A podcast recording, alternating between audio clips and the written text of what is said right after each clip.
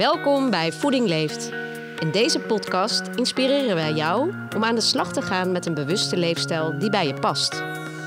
Dat begint wat ons betreft bij goede voeding, zowel mentaal als dat wat er op je bord ligt. Want als je weet wat je echt voedt, vind je het beste voor je lijf en leven.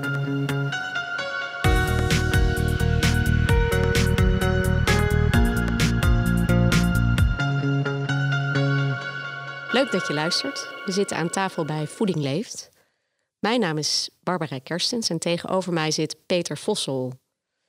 Peter, hoe zou jij jezelf omschrijven? Mezelf omschrijven? Ik denk uh, verwonderd onderzoeker van het leven of van het zijn. Nieuwsgierig naar alles wat is. Mooi. Nieuwsgierig naar alles wat er is.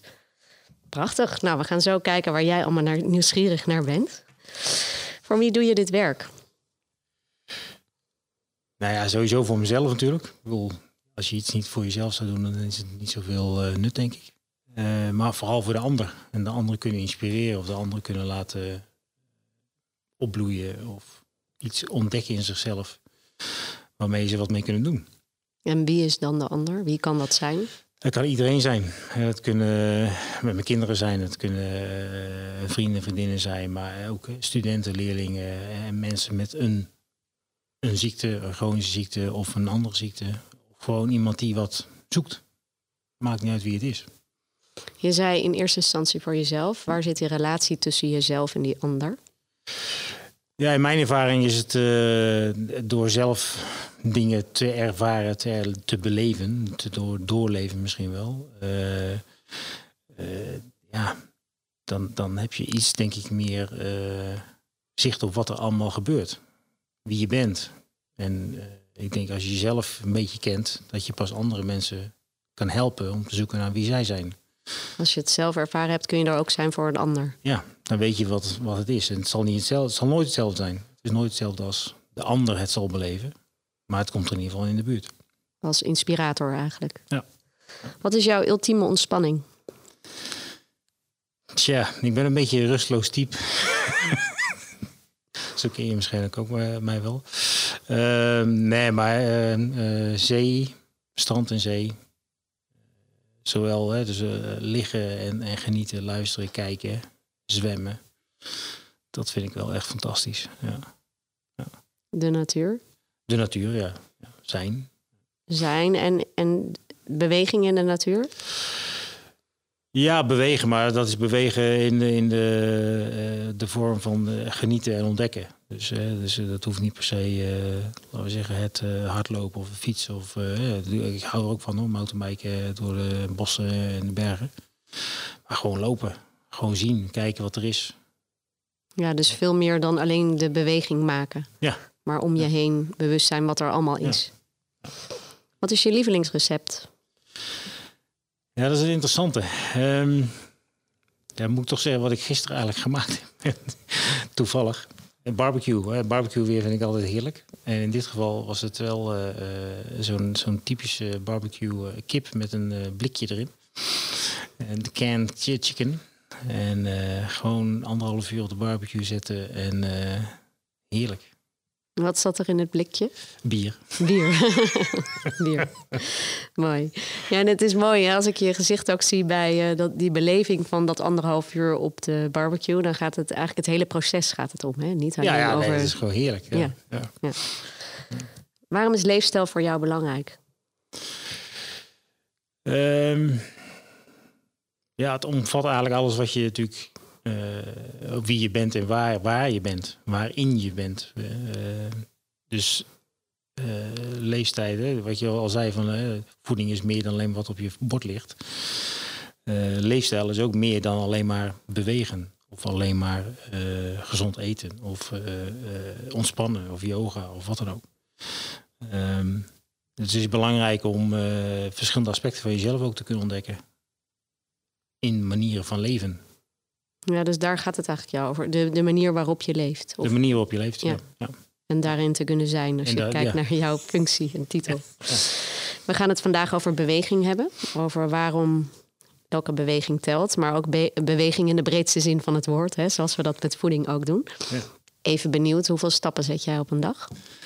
Ja, dat is interessant. Hè? Tegenwoordig een stuk minder. Nee, ik ben uh, vier weken geleden ben ik uit een boom die ik aan het bouwen was met de kinderen uh, gevallen. En toen ging mijn enkel de verkeerde kant op. Um, en daar heb ik nog steeds last van. Dus ik denk dat ik nu misschien 1000, 2000 stappen zet. ja, normaal, ik geen idee. Ik kom ergens tussen 12.000 en 15.000 stappen meestal wel. Dat is nogal een verschil. 12 tot 15.000 en nu 1 tot 2000. Wat doet, met, doet dat met je? Even los van dat je last van je enkel hebt.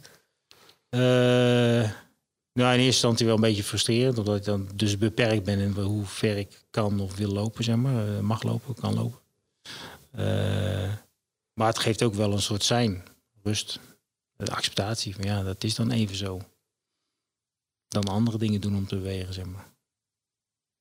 Je bent medisch fysioloog, zoals dat zo mooi klinkt, onderzoeker. Je hebt een hele wetenschappelijke carrière. Wil je daar iets over delen? Hoe, nou, waar je vandaan komt, wat je geleerd hebt? Ja, ik heb een eh, zware academische carrière, om het uh, bijna zo te zeggen, zeg maar. Een soort lange pad richting überhaupt de carrière. Dus de MAVO, dan middelbaar beroepsonderwijs, MLO, HLO, universiteit, toen gepromoveerd. Uh, Nederland doorgereisd, daarna uh, na mijn promotie uh, in Leiden gewerkt, het LMC. Heel veel. en alles ging toen eigenlijk over, nou ja, metabolisme in het lichaam. Vooral vetmetabolisme, glucosemetabolisme. Wat is dat, metabolisme, voor de luisteraar? Dus verbranding. Mm -hmm. Dus simpele processen, levensprocessen, verbranding. Um, en ja, vanuit Leiden heb ik op een gegeven moment uh, bepaalde technieken ontwikkeld die uh, over de wereld gingen, waarin uh, nou ja, ik eigenlijk een beetje overal terecht kwam. Een tijdje in Berlijn gezeten, in Oslo gezeten, toen nog een gegeven moment Amerika, in Boston gezeten, Harvard, maar ook in Denver gezeten met een project, in Vancouver gezeten met een project. uiteindelijk zes jaar in de Universiteit van Cambridge gewerkt als directeur van het preklinisch onderzoek, om het zo maar even te zeggen. Dus alles wat voor de patiënt ligt, hè, nieuwe medicijnen, uh, nieuwe processen be begrijpen, uh, allemaal in het metabole vak, dus in de verbranding. Uh, dik worden of dun blijven of dat soort zaken. En dat heb ik ongeveer 20 jaar gedaan. Wat was daar leuk aan, dat metabolisme en daarin onderzoeken? Nou, twee dingen wat ik altijd interessant vond is, uh, kijk, als het mis is, er is een ziekte, dan is het interessant, uh, wat is nou precies mis? Uh, maar ik was eigenlijk nog meer nieuwsgierig van waarom gaat het mis? En waar gaat het mis? Waar gaat het precies mis? Dus echt de diepte in. echt op celniveau kijken van, hé, hey, wat gebeurt hier nou? Hè? Welke eiwitjes gaan aan of uit of wat dan ook. Um, maar uiteindelijk ook juist naar het grotere plaatje weer. Want als dat eiwitje aan of uit gaat, ja, dat heeft een bepaalde oorzaak. Waar, wat is nou de oorzaak? Waarom gaat dat dan aan of uit? Waarom gaat het dan mis met je? Um, dus het was interessant, nou ja, sowieso internationaal. Het is heerlijk om uh, over de wereld uh, een beetje te reizen. Leuke mensen te ontmoeten en leuke dingen te doen. Um, en, en ja, toch een verdiepende kennis te, te, om, nou ja, te vergaren bijna over hoe werkt het lichaam nou eigenlijk een beetje. Om steeds wijzer te worden. Nou ja, dat werd je mezelf, ja. ja. ja, ja Klinkt ook als een beetje puzzelen, of niet? Het is ontzettend puzzelen, ja, mhm. absoluut. Dat is, ik denk nog steeds, uh, ik zeg wel eens voor de gek van ja, ik, ik begrijp het een beetje. Uh, en dat beetje is dus uh, meer dan, laten we zeggen, gemiddeld. Maar zeker niet alles. En want er zijn zoveel puzzelstukjes. Uh, ik laat ook altijd plaatjes, eh, plaatjes zien tijdens mijn presentatie van uh, bijvoorbeeld insuline. Insuline grijpt aan op een bepaalde receptor op de cel. En daar gebeurt er heel veel. En dat, dat heel veel, dat zijn een stuk of uh, 40, 50 verschillende eiwitjes die allemaal aan of uitgaan. Ja, dat is een één gigantische puzzel die wij als, nou ja, in ieder geval ik als mens nooit helemaal compleet zal kunnen begrijpen. En ik denk niemand niet, maar goed. Dus het is puzzelen. Waar gaat het mis en wanneer? Altijd. Je hebt een enorme carrière van MAVO tot aan uh, ja, de dokter die je nu bent. Hè? En wat is het belangrijkste wat je in, de wetenschappelijke, in jouw wetenschappelijke carrière geleerd hebt? Uh, ja, nieuwsgierig blijven, die waarom-vraag. Dat was zowel uh, mijn uh, promotor, zeg maar, in Groningen. Volker Kuipers, dat was echt een inspiratie erin. blijven verwonderen. Blijven niet zomaar accepteren als je wat meet of ziet of zo. Van nou, dit is dus de waarheid. en eigenlijk mijn baas in, in, Cam ja, Cambridge, die had hetzelfde. Altijd why. Why. Want we kunnen als simpel voorbeeld eh, de type 2 diabetes weten we nu ondertussen, insulineresistentie. Ja, waarom insulineresistentie? Want als dat er is, namelijk als hè, voor het ontstaan van een ziekte, dan moet het ook een normale functie hebben.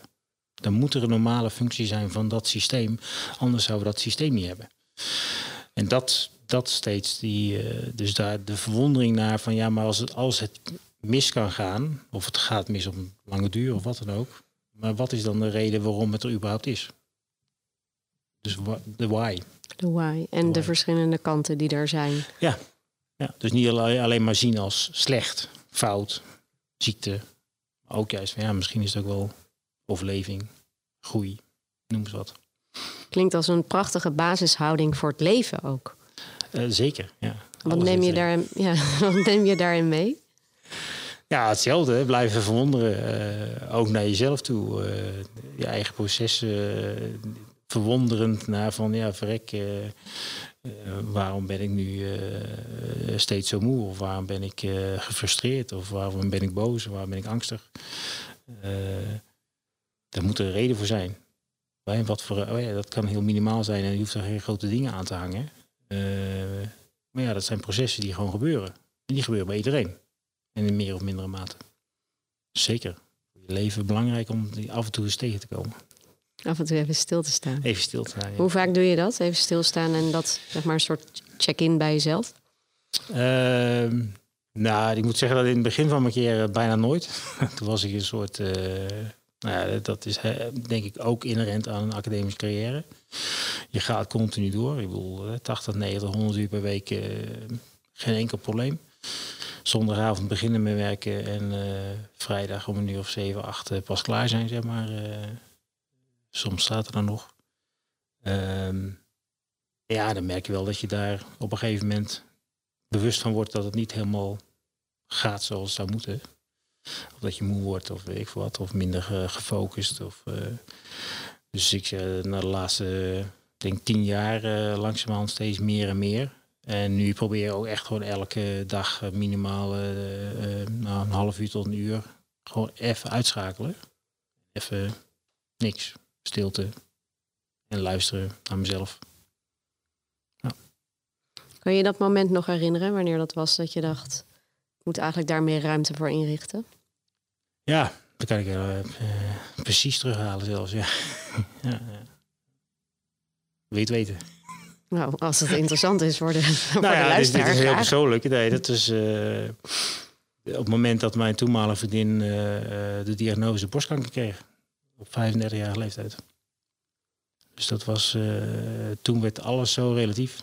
En de, hectiek van de carrière toen was ineens, nou ja, laat maar. Ik heb er geen zin meer in. En wat kan ik daaraan doen? Ja, dat, alleen maar zelf terugstappen, zeg maar, naar mezelf en gaan zitten en luisteren. En uit die nou ja, red race, om het zo maar even te zeggen, te stappen. Ja. Toen was het echt, uh, wake-up call is misschien een hard woord, een groot woord, maar dat, dat was het wel, absoluut. Ja. Is dat ook het punt waar je begon te leren over het leven? Dus niet per se over de onderzoek, onderzoek en het wetens, de, de wetenschap, maar over het leven zelf? Absoluut. Absoluut veel. Dus het relativerende vermogen werd toen uh, bijna uh, aangewakkerd. Terugstappen en kijken naar het grotere plaatje. Wat dus, heeft jou dat als mens opgeleverd? Uh, nou, dat ik, dat ik op mezelf wel kon vertrouwen. En dat ik ook uh, juist ook kon vertrouwen op het moment van als ik het niet wist, zeg maar. Of als ik er niet, nou ja, niet zeker van was of als ik nieuwsgierig werd, dat ik dat ook gewoon mag zijn. En dat ik ook, als ik niet weet, gewoon ook niet mag weten. Dat is eigenlijk wel, voor wetenschappers is dat heel lastig. Dat je je hoofd gewoon even uitschakelt. Ja, want dan is het natuurlijk, als je een vraag je weet het antwoord niet direct, dan ga je allemaal van die, krijg je van die rare antwoorden. Ja, maar misschien toch, eh, weet ik niet precies, maar ik denk dat het misschien, eh, en dan eigenlijk zeggen ze nog steeds niks. En dat was voor mij wel zo van, ja, dat mag ik dus ook. Dat kan ik dus ook. Ik weet het gewoon niet. Klaar. En misschien dat ik het morgen wel weet, of over een jaar of over tien jaar, maar nu niet. Maar nu even niet. Ja. ja, en ik kan me voorstellen als wetenschapper dat dat lastig is. Eh, dat is eh, verdomd lastig. Ja. Ik bedoel, eh, wetenschappers en ego, dat zijn geloof ik twee woorden die ongeveer aan elkaar gekoppeld zijn. Dus ja. Mooi. En nu gebruik je dat beide. ja, absoluut. Het wetenschappelijke ja. stuk en ook Ja. dat... Wat is het? Is het het hartstuk of wat is het? Je, dat, dat andere stuk waar je in stilte bent of kan meebewegen met wat er is. Zijn. Ja, hart. Ja, ik denk hart en, en, en buik. Gewoon lichaam. Ja, totale ervaring. Mhm. Ja. We gaan het over bewegen hebben. En het is wel leuk om dat vanuit verschillende perspectieven te bekijken. En eerst de wetenschappelijke kant. Waarom is bewegen nou zo belangrijk? Ja, bewegen. eh, het is eigenlijk een. eh, eh, het zet een aantal mechanismes aan in je lichaam. eh, die goed zijn om. voor je metabolisme, voor je verbranding, voor je systeem. Bijvoorbeeld, als je beweegt, dan gaat je, je hartfrequentie wat omhoog. En dan gaat je bloeddoorstroming gaat wat omhoog. En dan gaan wat bloedvaatjes openstaan. Dus er komt meer bloed op locaties waar anders misschien wat minder bloed komt. Ehm, de, eh, er worden wat, nou ja, er wordt wat meer zuurstof opgenomen, want je ademhaling gaat omhoog. Ehm, dat zorgt ervoor dat je eh, meer zuurstof in je bloed krijgt, meer zuurstof op andere plekken krijgt. Eh, misschien door die doorbloeding gaan er wat eh, afvalstoffen makkelijker weg. Ehm, dus het is gewoon een, een systeemactivatie die leidt tot een bepaalde alertheid, een bepaalde eh, verfrissing, als je het zo zou kunnen noemen. Doordat je letterlijk de beweging maakt, Ja. zet je iets in beweging. Ja. En dat verfrist of dat Ja. Nou ja, roleert, zeg maar. Hoe leert, ja. Ja. Duidelijk. Als je vanuit. Nee, wat als je niet beweegt? Wat gebeurt er dan? Want dan staat het dus stil. Maar wat kan er dan gebeuren in je lichaam? Waarom is dat zo vervelend of, of niet? Nou ja, dus ten eerste is natuurlijk eh, eh, zitten wordt niet voor niks het nieuwe roken genoemd. Eh, dus als je zit, letterlijk zit de hele dag, ehm, dan zijn er ook delen van je lichaam die je niet meer gebruikt. Eh, bepaalde spieren die je niet meer gebruikt. Nou ja, alles wat niet gebruikt wordt, dan heeft je lichaam zoiets van ja, god, jeetje, ehm, waarom zou ik daar zoveel in investeren om dat aan te houden of eh, op te bouwen? Eh, dus laat ik dat maar afbreken. En als je het over spieren hebt, dan is het duidelijk. Hè? Ik bedoel, eh, iedereen die een keer eh, of zijn been of wat dan ook gebroken heeft en eh, een, week of twee weken plat moet liggen, die weet ongeveer de consequentie van niet bewegen. De spiermassa neemt dramatisch af. En vrij snel. Maar dat is gewoon voor je lichaam zoiets ja, als je het niet gebruikt, dan gebruik je het wel voor andere zaken. Eh, dus dat, dat is het. eh, Ja. En, en het is niet alleen voor spieren, maar dat is ook eh, je longcapaciteit. Want als je je longen maar half blijft ademen, zeg maar, ja, dan gaat op een gegeven moment je hele capaciteit gaat wat naar beneden. Want ja, waarom zou je de, de rest nog aanhouden? Net als met denken, als je je hersenen niet gebruikt, ja, dan gaan ze op die ook uitschakelen, zeg maar. Kunnen we dan ook echt stellen dat niet bewegen ongezond is? Absoluut. Absoluut. Je zei eh, zitten is het nieuwe roken. Hè? Dat, is, eh, dat zijn de, dan de termen van, eh, van vandaag of, of van, van deze jaren. Ja. Wat zie je door de jaren heen gebeuren, of de, de afgelopen tientallen jaren? Wat zie je daar in de wetenschap ook gebeuren als het gaat om beweging en mensen en gezondheid in relatie tot gezondheid? Ja, ik denk als je, het- als je het globaal bekijkt, is het natuurlijk, vroeger hadden we veel meer actieve beroepen. Dus er was veel meer eh, fysieke arbeid. Dus dan was bewegen niet per se het bewegen wat wij nu vaak met bewegen verstaan. Hè. Dat is natuurlijk de, sportschool geworden zo'n beetje. Ehm, en eh, ik denk in eerste instantie was er op een gegeven moment eh, zo'n beetje jaren 80, 90. Van goh, hè, dat, we gaan wat meer zitten, meer achter een bureau, dienstverlening, dat soort zaken. Ehm, heeft dat nou consequenties voor hoeveel energie wij verbruiken per dag? Dat, daar ging het in eerste instantie om, zeg maar. Van niet zozeer wat dat fysiek met ons doet. Maar echt over het, uh, laten zeggen, puur wetenschappelijk. Van uh, verbruik ik nou 2000 kilocalorieën als ik zit. En als ik op het land werk, dan verbruik ik 3000 calorieën. Nou, dat soort simpele vergelijkingen. En langzamerhand verschoof dat van ja, maar wat heeft het dan specifiek voor consequenties? Wat gebeurt er? Het feit dat je uh, zit, uh, uh, daar kwam algemeen de, omgeving ook. We zaten in gebouwen, we zaten niet meer buiten. En langzamerhand werd het duidelijk van nou, dat is misschien puur in een gebouw zitten of in een bos zitten, dat zijn andere omgevingen, is een andere soort beweging, heeft een ander effect op jou. Mentaal, fysiek, misschien wel zelf metabolisme.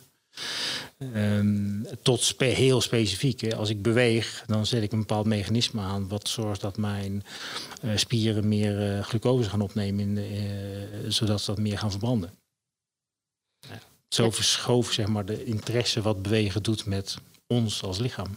Ja, dus eerst eigenlijk alleen naar de intake en dus hoeveel moet je nemen om het, het, het juiste te verbranden. Ja. En later dus eigenlijk meer systemisch? Ja, meer systemisch, ja. ja en en de, de, de, het geheel als mens zijn, zeg maar. Of als levend wezen zijn. Dus, uh, mentaal, fysiek, emotioneel misschien wel, spiritueel. Komen we misschien ook op het punt van eigenlijk hart en buik. Hè? Want we zeiden, we hebben dat hoofd en vanuit de wetenschap heb je uitgelegd waarom beweging belangrijk is. Als we dan naar dat hart en buik kijken, waarom is beweging belangrijk? Ja, fysiek letterlijk voor het hart, zeg maar. Omdat je dan je hart even wat stimuleert, zeg maar. Zodat er wat meer bloed uh, door je lichaam gepompt wordt. Uh, uh, en, maar vooral dat je, je bent bezig met jezelf. Je bent letterlijk bezig met jezelf. Bewegen doe je niet voor iemand anders. In een teamsport kan je natuurlijk, dan wil je wat bereiken met bewegen. Maar je beweegt voor jezelf. Dus als je dat bewegen serieus neemt voor jezelf, dan leer je ook jezelf ontdekken dan leer je bij jezelf zijn. Dan leer je naar jezelf luisteren, als het goed is. Als je niet te veel afgaat op al die uh, leuke dingetjes die je om je pols kan doen, zeg maar. Uh, maar wie, wat gebeurt er met jou? Ik ga uh, zware ademen. Ah, ja, voelt het nog lekker of niet? Kan ik harder? Kan ik langer? Nou, dat soort zaken. Dus je maakt volgens mij een hele duidelijke verbinding met wie jij bent. Wat jij kan, wat jij wil. Je noemde net uh, dat het belangrijk is dat jij jezelf kent om er voor een ander te zijn. Waarom is dat voor de luisteraar belangrijk om zichzelf te kennen? Nou, om er ook voor zichzelf te zijn. Puur natuurlijk. Maar ook voor zijn omgeving. Vanuit iedereen is er natuurlijk een invloed op wat er om je heen zit. Of dat nou uh, uh, partner is, uh, vrienden, familie, kinderen, vader, moeder, wat dan ook. En ik denk, als je meer bij jezelf bent, ook voor iemand anders, dan ben je dus ook dichter bij die ander die, die voor jou in je omgeving staat. Kun je daar een voorbeeld van noemen? Uh, nou ja, ik denk vanuit, eh, als het over uh, diabetes en keer diabetes hondprogramma heb je natuurlijk heel veel voorbeelden waarin mensen zoiets hadden van ja, ik heb diabetes en eigenlijk wil ik iets voor mijn kinderen, kleinkinderen of wat dan ook. en, en dat nu kan ik het niet. Uh, maar ja, door het programma komen ze dichter bij mezelf. Op welke manier ze dat ook doen. Hè? Of dat nou puur door de, coaching is of uh, door de, de voedingsaanpak of de leefstijl in het algemeen. Of inderdaad het bewegen. En doordat ze zichzelf een beetje ontdekt hebben, in wat meer of mindere mate, en bij zichzelf staan, kunnen ze ook wat betekenen voor hun kinderen, zeker kleinkinderen. En kunnen ze grootvader zijn die ze ook wat ze verlangen te zijn. Ja. Die leuke grootvader die misschien niet, nou ja, überhaupt een langer leven heeft, maar ook uh, fitter is. En, uh, mooi. Alerter en. Je hebt heel veel mensen gezien, ook in het Keer Diabetes Om programma. Is er iemand die jou het meest geraakt heeft? Uh, nou, ik denk niet per se iemand die het meest geraakt heeft. Ik, ik bedoel, er zijn zoveel inspirerende uitspraken van mensen hè, die, die, die we zeggen dat ze een, uh, mijn leven terug heb, in feite mijn leven terug heb. Ik heb weer zin in het leven. Ik, uh, nou ja, ik ben inderdaad de grootvader van mijn kleinkinderen. nou, ik denk dat iedereen wel weet wie ik dan bedoel, zeg maar.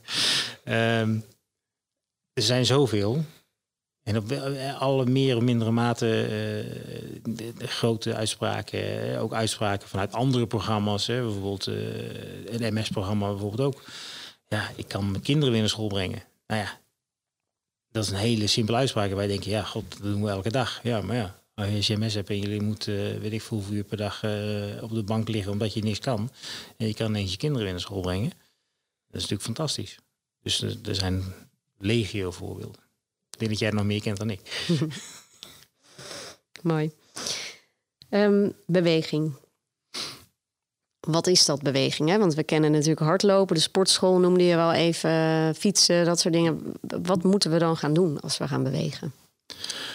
Ja, bewegen, net als het zitten is nieuw roken, maar bewegen begint bij de eerste stap. Het is letterlijk gewoon je lichaam in beweging brengen. Dus het, nou, om dan toch maar even dan uh, onze favoriete uh, KDO-manier aan te spreken. Het keuvelen, de Han. ja, rond het huis lopen, een keer één dingetje wegbrengen in plaats van tien tegelijk. En dan dus tien keer heen en weer lopen. dat is bewegen. Buiten zijn, in de tuin bezig zijn, even vegen of wat dan ook. Het is allemaal bewegen. En natuurlijk kan je zeggen, de sportschool, het trainen en dan heb je kracht of je hebt uithoudingsvermogen, cardio. Uh, dat is prima. als jij een marathon wil lopen, ja, dan, kan je, dan kom je niet weg met alleen maar een beetje wandelen. Dan moet je daar wat anders voor doen. Uh, wil je uh, spieren opbouwen, dan zal je ook bepaalde andere oefeningen moeten doen om die spieren ook letterlijk op te bouwen. Dan moet je ook echt letterlijk krachttraining doen. maar het gaat letterlijk om het in beweging brengen van je lichaam. Wat je ook doet. Wat je ook doet, ja. Dus als ik, als ik het goed begrijp, hangt eigenlijk de beweging af van jouw wensen. Dus wil je een marathon lopen, dan ga je daarvoor trainen. Wil je spieren opbouwen, dan ga je daarvoor naar de sportschool. Maar wil je gewoon beweging hebben, dan kan je ook keuvelen in het huis. Of misschien wel je auto ergens anders neerzetten of de fiets pakken. Ja, inderdaad. Of uh, die zegt van god, ik, uh, nou, ik betrapte mezelf toevallig. Uh, iedereen heeft tegenwoordig boven ook een toilet. Nou, ik moet even naar de wc. Nou, dan loop ik naar boven toe. Ja. Zo simpel is het, zeg maar. Als je dan nog niet veel kan, in ieder geval uh, mezelf met de enkel, zeg maar. Maar ja, toch even naar boven gaan is anders dan gewoon even beneden blijven. Dus het zijn dat soort dingen, is bewegen. Dat is gewoon je lichaam, zet je aan tot een, een meer arbeid, om het zo maar even te zeggen. Uh, en het maakt niet uit wat het is. En hoe lang het duurt, ja, hoeveel kan je? En hoeveel kan je morgen en hoeveel kan je overmorgen? Dat is natuurlijk uh, iets uh, wat je ook zelf moet ervaren. Is het goed om daar dan ook een doel in te hebben? Om, uh, om daarin te groeien? Dat je zegt, wat je zegt, vandaag dit, morgen dat. Om altijd iets meer te willen? Of is er ook gewoon een grens? Ik denk dat er ook een grens is. En die grens is denk ik niet alleen puur fysiek, zeg maar. Wat je lichaam aan kan, maar ook wat jij zelf wil. Ik bedoel, wat je al zegt, er zijn mensen die willen vier keer per jaar marathon lopen. Ja, um, prima. er zijn mensen die, die willen misschien uh, uiteindelijk een uh, uurtje wandelen door een bos heen. Ja, wat wil je zelf? Ja, dus eigenlijk gaat het hier ook over eerst contact maken met jezelf. Ja. Waar heb je behoefte aan? Ja. Wat voedt jou? Wat helpt jou? En dan daar je beweging op aanpassen. Ja. En sommige mensen worden natuurlijk hartstikke enthousiast. Dat zie, je, dat zie je natuurlijk ook eh, in de programma's genoeg. Uh, mensen die futloos zijn, op de bank zitten en op een gegeven moment, oh vrek, ik kan inderdaad een beetje rond het huis, in het huis, in de tuin. Ik ga een rondje lopen, ik ga wat meer lopen. En die, die worden helemaal gegrepen door het bewegen. En die gaan fietsen. En die gaan op een gegeven moment hebben ze een mountainbike of een racefiets. En dan lopen ze twee, drie, vier uur per dag ineens of in het weekend te fietsen. Dat kan ook.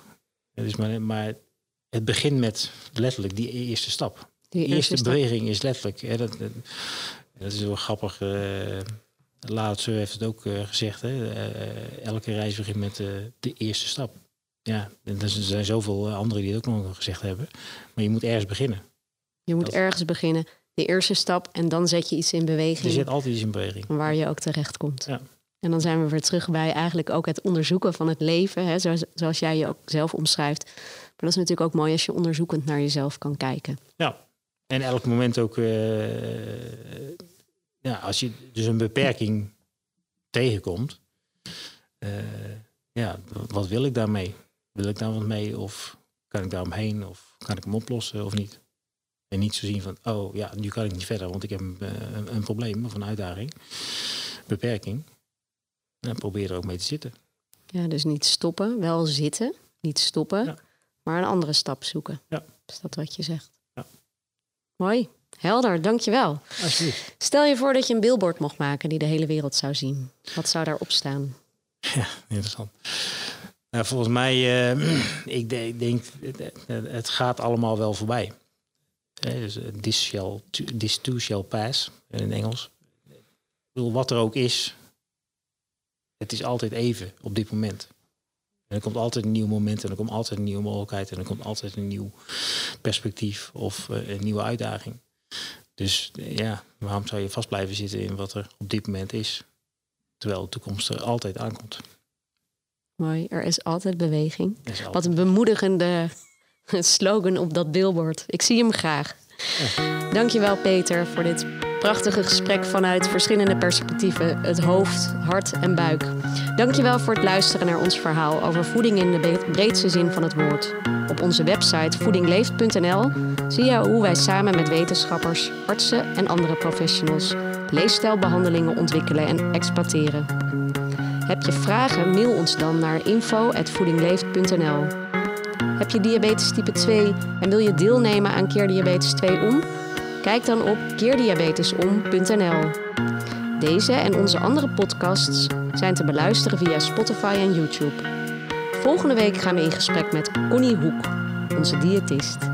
Dank voor het luisteren en tot de volgende keer.